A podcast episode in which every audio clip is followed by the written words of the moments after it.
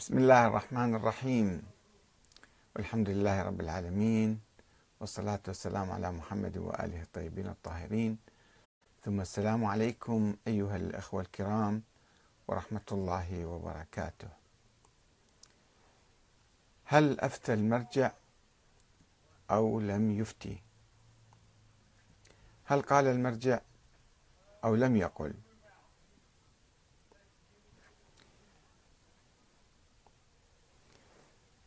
هل أفتى المرجع أو لم يفتي؟ هل قال المرجع أو لم يقل؟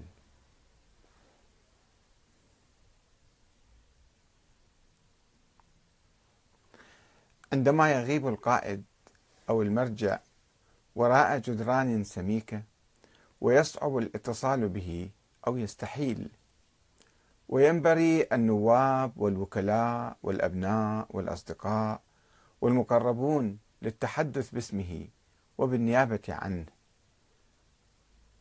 في هذه الحالة تضيع الحقيقة ويضيع الناس ولا يعد أحد يعرف رأي المرجع أو موقفه الحقيقي. وعندها لا يعود مرجعا متفاعلا مع الأمة ولا يستطيع الناس التفاعل معه لأنهم يفقدون الثقة بكل ما يصدر عنه أو ينسب إليه ويخشون أن ما يحكى عنه في الظاهر قد يخالف الباطن. ولنا في مواقف وأقوال وفتاوى المرجع الكبير السيد علي السيستاني حفظه الله خير مثال. فقد أذاع السيد عدنان البكاء في التلفزيون العراقي أيام صدام. فتوى نسبها إلى السيد السيستاني والمراجع الثلاثة الآخرين الفياض والنجفي والحكيم بوجوب مقاومة الاحتلال الأمريكي للعراق أثناء العدوان. ولم نعرف حقيقة الأمر حتى الآن بصورة مؤكدة. هل فعلا أصدر السيستاني وبقية المراجع فتوى بالمقاومة العسكرية أم لا؟ وهل ثبتوا على موقفهم بعد ذلك إذا كانوا أصدروا تلك الفتوى أم لا؟ أم أن الفتوى كانت مزورة أو صادرة تقية أو تحت الضغط؟ علما بأن أحدا من المراجع أو مكاتبهم لم يتحدث عنها بعد ذلك ابدا وكأنها نسيا منسيا ونقرأ بين الفينة والأخرى فتاوى بجواز قتل الكافر المسالم إذا رفض الإسلام وأخذ ماله وسبي نسائه. وهذه الفتوى منشورة في موقع السيستاني. ونسمع تكذيبا خفيا وخجولا من مصادر مقربة من مكتب السيستاني ولا نعرف من هم. يذهب أحد الشيوخ إلى مكتب السيستاني ويسأل عن هذه الفتوى. هل هذه الفتوى صادرة من السيستاني أم لا؟ ولا نعرف الحقيقة. لا نعرف فيما إذا كانت هذه فعلا فتوى صادرة من السيستاني موجودة في موقعه على الإنترنت أم لا؟ وناس آخرون كتبوها بالنيابة عنه. ولا نستطيع الوصول إليه لكي نسأله فيما إذا فعلا هو أصدر هذه الفتوى أو لا. ونسمع أخيرا بيانا بإدانة قرار ترامب بالاعتراف بالقدس عاصمة لإسرائيل ووجوب العمل من أجل تحرير فلسطين. ثم نسمع تكذيبا لهذا البيان وتحريما لقتال العراقيين خارج حدودهم. ولا نعرف الموقف الحقيقي للمرجع لأن بينه وبين الناس برزخ عريض وجدار سميك أو جدر سميكة. البعض يقول أن مكتبه مفتوح وبإمكانكم الاتصال به والسؤال عنه ولكن هل يستطيع أحد أن يسأله مباشرة ويجيبه بشكل مكتوب وموثق وموقع؟ ومختوم بختمه لا نعرف ذلك. إنما بيانات تصدر من مكتب السيستاني. وما هي علاقة هذا المكتب الحقيقية بالمرجع؟ وهل هذا المكتب هو يصدر البيانات كما يشاء باسمه أم لا؟ وهذا ما يسمح له أن يقول الشيء يسمح لأي مرجع في الحقيقة ليس الإستاني فقط أن يقول الشيء وعكسه.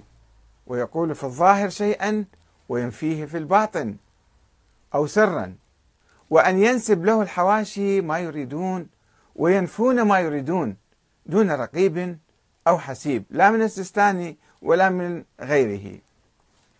وهو ما يزيد الحيرة والضياع والبلبلة في صفوف الناس مع الأسف الشديد. ولذلك أقترح أن يطل المرجع على الناس. ويتحدث بالصوت والصورة أو عبر تويتر. الآن تويتر يستخدم من معظم زعماء العالم يكتبون آراءهم ومواقفهم والناس يثقون أن هذا آه، الموقع الموقع خاص بهذا المرجع وهذه تصريحاته ويمكن التأكد منها بعد ذلك.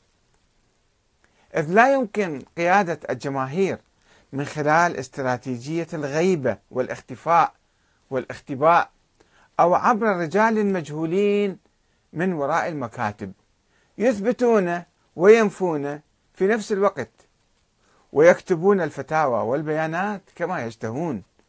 ولا نعرف هل يدري المرجع أو يعلم بما يكتبون وينشرون هل يطلع على أعمالهم أم لا؟ لا علم لنا بذلك. هذه ظاهرة فعلا مؤسفة والآن موجودة آه، في المرجعية. هنا عندنا عدة تعليقات من أخوة آه، شاهدوا هذا البوست وعلقوا على ذلك. يقول الأخ سمير سالم الحاج عبد الأفضل أن يبقى المرجع مختفيا غائبا لا يرى له شخص ولا ظل ولا من أجل أن يسهل على أتباعه ومقدسيه أن ينفوا عنه كل فعل وقول وفتاوى اتضح خطأها وبطلانها فيما بعد. وسيقولون لك متى قال ومتى أفتى بهذا؟ أو من أين لك بأن هذا هو رأي مرجعنا؟ هل رأيت المرجع قال هذا؟ هل عندك تسجيل صوتي أو فيديو يثبت الادعاء يوثق الادعاء؟ وهذا حدث في الحقيقة في مسألة الانتخابات وتشكيل القوائم والمواقف من بعض المسؤولين. فصدرت يعني بيانات أو فتاوى باسم المراجع بأن المرجع يدعم هذه القائمة ويحرم على من لا ينتخبها. ثم عندما قامت هذه القائمة مثلا أو فشلت فتحاسبون المرجع تريدون أن تحاسبون لماذا دعمت هذه القائمة ولماذا لم تطلع على أفراد جي يقول لا لا لا ابدا. المرجع لم يوثق هذه القائمة ولم يدعمها بشيء. فتضيع ال ال ال الأمور في هذه الصورة. والناس لا, لا يعودون يعرفون إذا بكرة صارت قائمة جديدة أو موقف سلبي أو موقف إيجابي من هذا المرشح. وأنا سمعت أن المرجع الفلاني يرفض ترشيح السيد الفلاني النائب الفلاني مثلا. نريد أن نتأكد فعلا بغض النظر عن أنه هو يحق له أن يتخذ مواقف شخصية من هذا المرشح أو من هذه القائمة أو لا ولكن هذا موجود في الساحة الآن أنه آه، تصدر بيانات أو مواقف تنسب إلى المرجع أو المراجع من دون تثبيت ومن دون توثيق ومن دون معرفة حقيقية من نفس المرجع. آه، الأخ أحمد علوان الهيبي آه، يقول أيضا يبدو يعني آه، متفق مع هذا الكلام. الأخ الكعبي أبو سجاد يقول كلام منطقي جدا ونقد هادف وبناء وليتهم يعون ويسم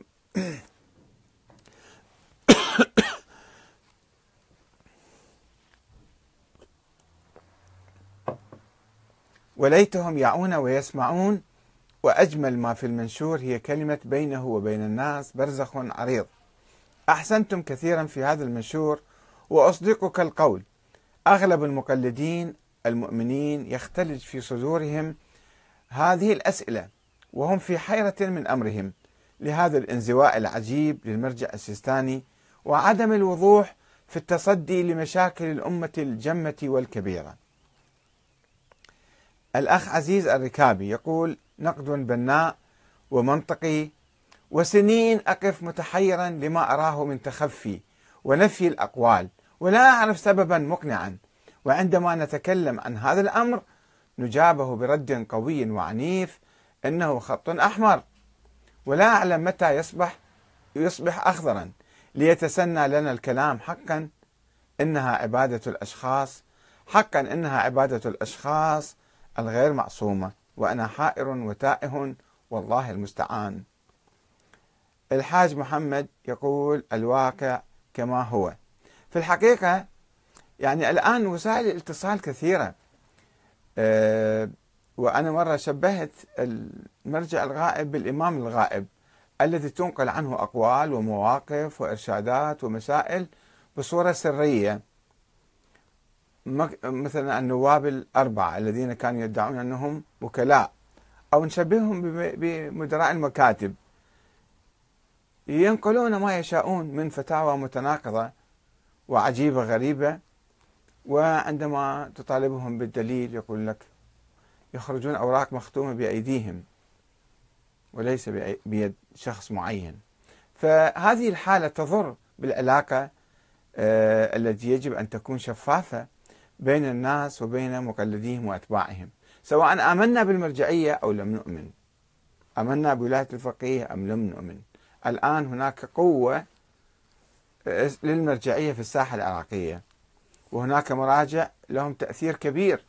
ولكن يجب أن يكون تأثيرهم وعلاقتهم آه، آه، علاقتهم تكون واضحة مع الناس وتصريحاتهم مسؤولة ويثبتون عليها.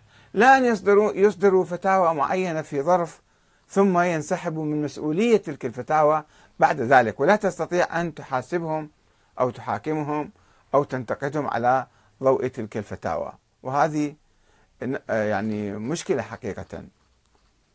وإلى موضوع آخر إن شاء الله. والسلام عليكم ورحمة الله وبركاته.